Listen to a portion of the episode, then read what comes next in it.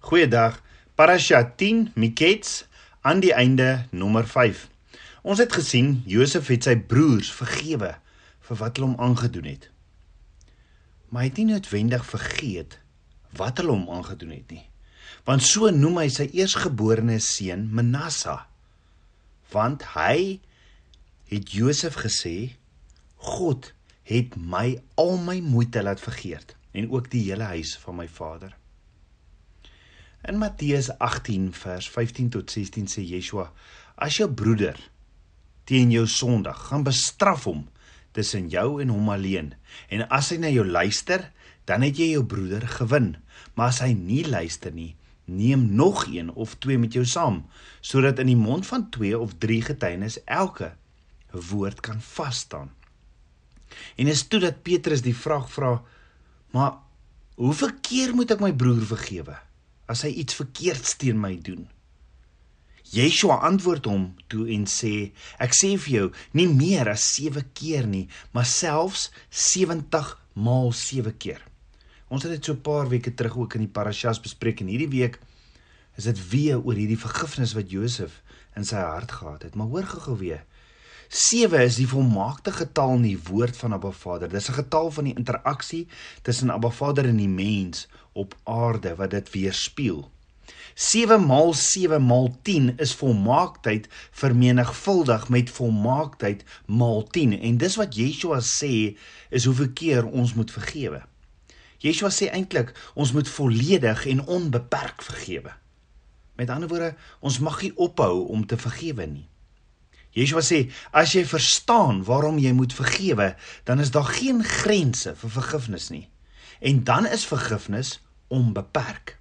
So hoekom sal Yeshua sê as jy verstaan waarom jy moet vergewe, dan is daar geen grense vir vergifnis nie en dan is vergifnis onbeperk. Jy sien 70 maal 7 keer sê Yeshua moet ek iemand vergewe.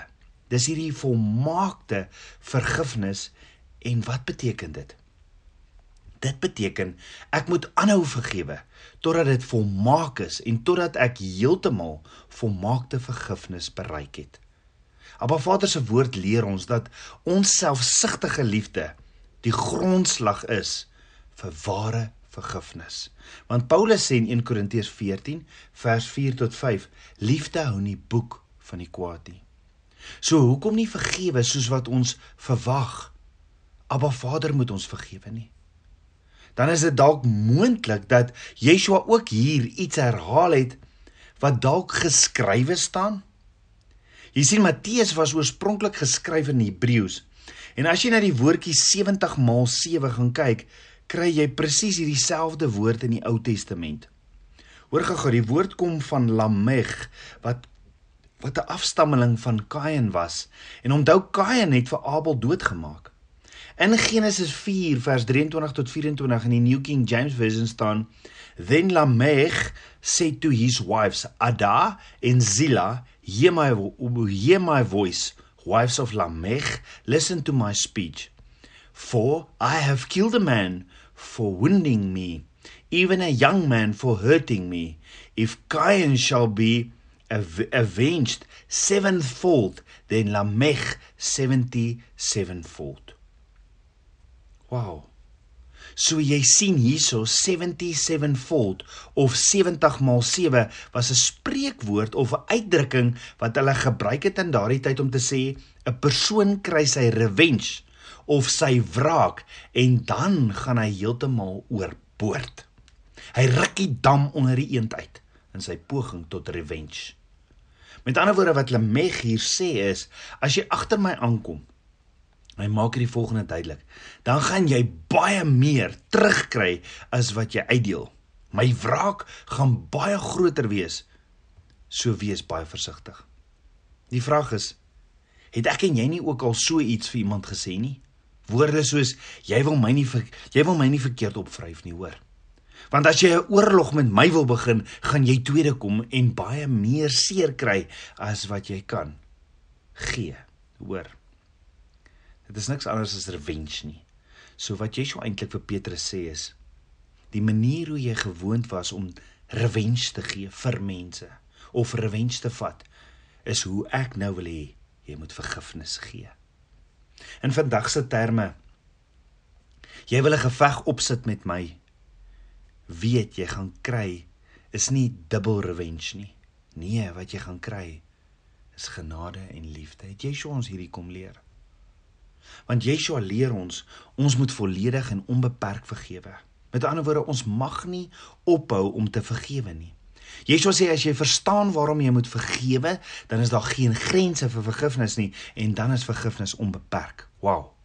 Dan gaan Yeshua verder en hy vertel die volgende gelykenis in Matteus 18 vers 23 tot 24. Daarom word die koninkryk van die hemele vergelyk met 'n sekere koning met sy diensknegte wou wat met sy diensknegte wou afreken.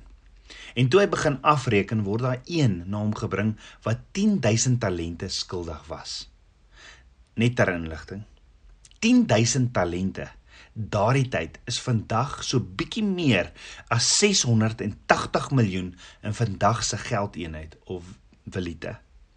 Dan ook hierdie tyd se ge, se gemiddelde in daardie tyd se gemiddelde salaris in vandag se terme was so bietjie meer as R51 per dag. So kan jy dink jy verdien plus minus 1200 per maand, maar jy jy skuld iemand 680 miljoen. Dis mos niks anders as skuld wat jy nie kan terugbetaal nie. Dan gaan Yeshua verder en hy sê Matteus 18 vers 25 tot 28 en omdat hy nie kon betaal nie, gee sy heer bevel dat hy verkoop moet word en sy vrou en sy kinders en alles wat hy het en dat betaal en dat betaal moet word. Toe val hierdie diensknegt neer en buig voor hom en sê: "Heer, wees lankmoedig met my en ek sal u alles betaal." En die heer van hierdie diensknegt het innig jammer vir hom gevoel en hom losgelaat en hom die skuld kwytgeskeld. Maar toe hierdie selfde diensknegt uitgaan en een van sy medediensknegte vind wat hom 100 pennings skuldig was, het hy hom aan die keel gegryp en gesê: "Betaal my wat jy my skuld." Let wel, hy kry een van sy medediensknegte en sê: "Betaal my 100 pennings." Nou in vandag se terme is 100 pennings bietjie meer as 510 rand.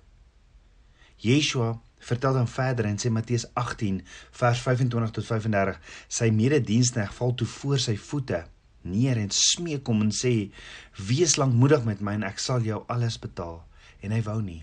Maar hy het gegaan en hom in die gevangenis gewerp totdat hy die skuld sou betaal.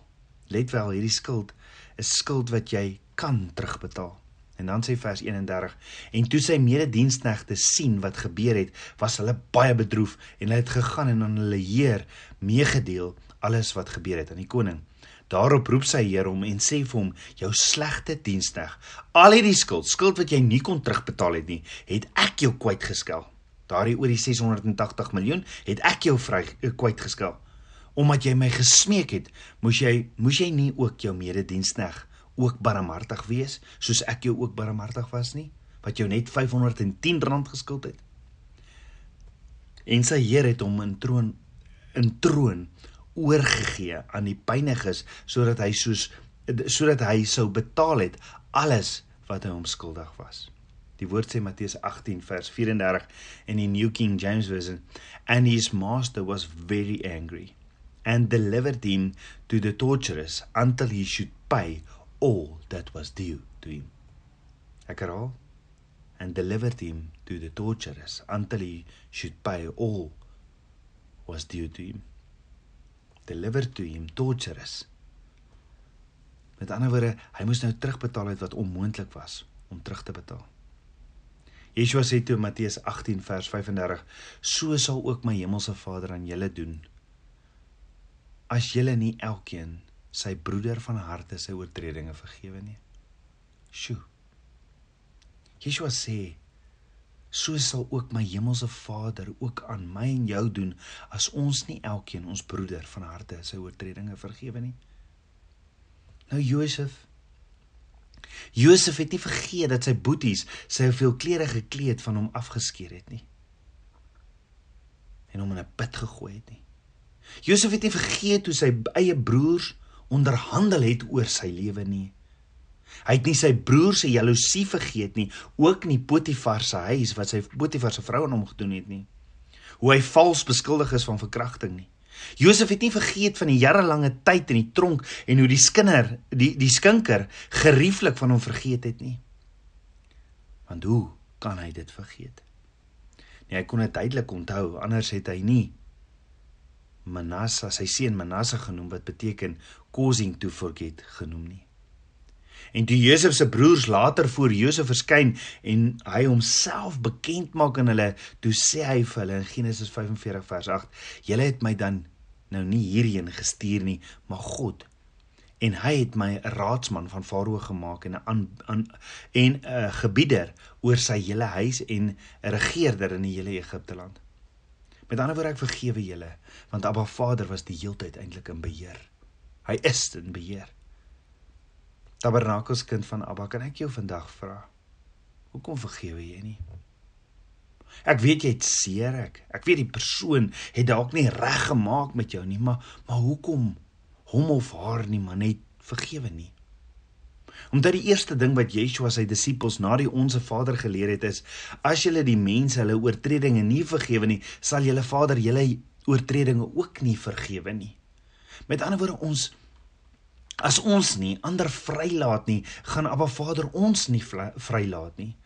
Maar hoor gou wat Yeshua sê na hierdie gelykenis. Maar Vader gaan net so ons nie net vrylaat nie. Nee, hy gaan ook soos die Heer in die gelykenis ons oorlewer aan martelaars, demoniese geeste totdat ons alles wat ons verskuldig is terugbetaal wat onmoontlik is om terug te betaal. So dink gou hieroor.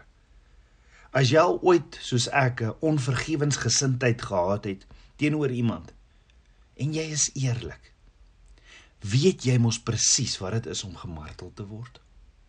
Dis nie lekker om met onvergifnis rond te loop nie, want dit maak jou stik stik dood. Hebreërs 12 vers 15 tot 16 sê: Pas op dat niemand in die genade van God veragter nie, dat geen wortel van bitterheid opskiet en onrus verwek en baie hierdeur besoedel word nie. Laat niemand 'n hoereder wees nie of 'n onheilige soos Esau wat vir een spysgereg sy eersgebore reg verkoop het nie. So met ander woorde, moenie dat 'n wortel van bitterheid opskiet nie, want baie sal daardeur besoedel word. Met ander woorde is bitterheid en onvergifnis nie dalk die groot rede vir kinders van Abba Vader wat in slawerny is nie. As ons net kan leer om ander te vergewe soos wat ons vergewe is. Maar die grootste rede hoekom ons nie kan nie is omdat ons nog steeds probeer om ons vergifnis te verdien. Deur dit wat ons doen en dit nie net ontvang van Abba Vader nie. Is dit nie hoekom Yeshua ons ook leer om te bid elke dag in die Onse Vader nie? Yeshua leer ons bid en bid in die Onse Vader Matteus 6 vers 12 en en sê en vergeef ons ons skulde soos ons ook ons skuldenaars vergewe. Met ander woorde, ons moet vergeef soos wat Abba Vader ons vergeef. Ons moet elke dag besef ons het skuld wat ons nooit ooit kan terugbetaal nie. En ons onsse Vader het ons vergewe van hierdie skuld. Daarom het ons genade om ander ook te vergewe soos wat ons vergewe is. Jy sien Abba Vader het ons so lief. Hy het sy enige gebore seun gegee vir ons. En hoor wat sê sy seun Yeshua vir hom in Lukas 23 vers 34. Vader, vergewe hulle want hulle weet nie wat hulle doen nie. Om vergifnis vir ander te pleit wat besig is om jou dood te maak. Mense wat jou baard uitgeruk het, wat 'n doringkroon op jou kop inslaan met 'n riet en wat jou spoeg. As al ooit iemand was wat self 'n wrok of 'n stryd teen mense kon gehad het, was dit Yeshua of selfs Abba Vader toe hy sy seun aan die kruis sien en sy kop moes wegdraai. Die seun van God het nie verdien om gespoeg of om geslaan te word nie. Maar hy het hom geslaan met 'n vlaghelm met stukke leer, yster en bene aan. Let wel wanneer hierdie se vlaghelm jou geslaan het, het dit stukke vleis uit jou liggaam uitgeruk. 39 oue slaan hulle vir Yeshua, dan sê die woord Yeshua was onherkenbaar vermink en Yeshua hang aan 'n houtkruis, vasgespijker en sê: Vader, vergeef hulle, want hulle weet nie wat hulle doen nie. Hierdie mense vra nie eers self vir vergifnis nie. Nee, Yeshua doen dit namens hulle. Ek glo met my hele hart dat Abba Vader hulle vergewe het want sy seun het daarvoor gepleit. Yeshua tree in by sy Vader vir mense wat dit nie verdien nie. Wat nie berou het nie. Wat nie daarvan daarvoor vra nie. Wat ook nie eers op daardie stadium geglo het nie. Hoeveel te meer is daar vergifnis vir ons wat glo, wat berou het en daarvoor vra. Hierdie mense is eintlik so tipies van ons dag.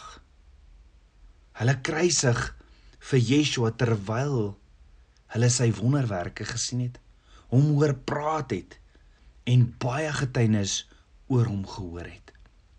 Net so kruisig die wat nie in hom glo nie.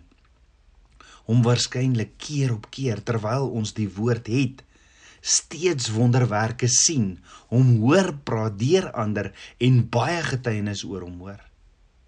Steeds tree Yeshua by Abba Vader in om nog steeds vir elkeen 'n kans te gee. Maar sien, ek en jy moet self besluit of ons dit aanvaar of nie. En dit is genade onbeskryflik groot. So tabernakelskind van Abba, kom ons vergewe vandag. Kan jy vir 'n oomblik Yeshua se oë sien op die kruis? Hoe hy na jou kyk en vir Abba Vader sê: Vader, vergeef hom of haar. Hy of sy het nie geweet wat hulle doen nie. So kom ons gaan vergewe. Al moet jy nou in jou in jou kar klim of in jou bakkie klim en gaan regmaak. Doen dit. Doen dit nou. As jy dalk nou jou vriendin moet bel en sê jy is jammer, doen dit nou.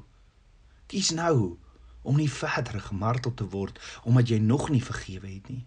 Vergewe nou want Yeshua leer ons bid en sê Vader vergewe ons ons skulde soos ons ook ons skuldenaars vergewe. Kom ons bid saam. Aba Vader koning van my hart ek loof en prys U. Vader kom wys my as daar enige onvergifnis in my hart is. Vader deurgrond my en ken my hart. Toets my en ken my gedagtes en kyk of daar by my 'n weg is van smart en lei my op die ewige weg. Vader was my met die waterbad van die woord en kom leef die droom deur my. Ek bid dit alles in Yeshua Messie se naam, die seun van Jahwe. Shalom.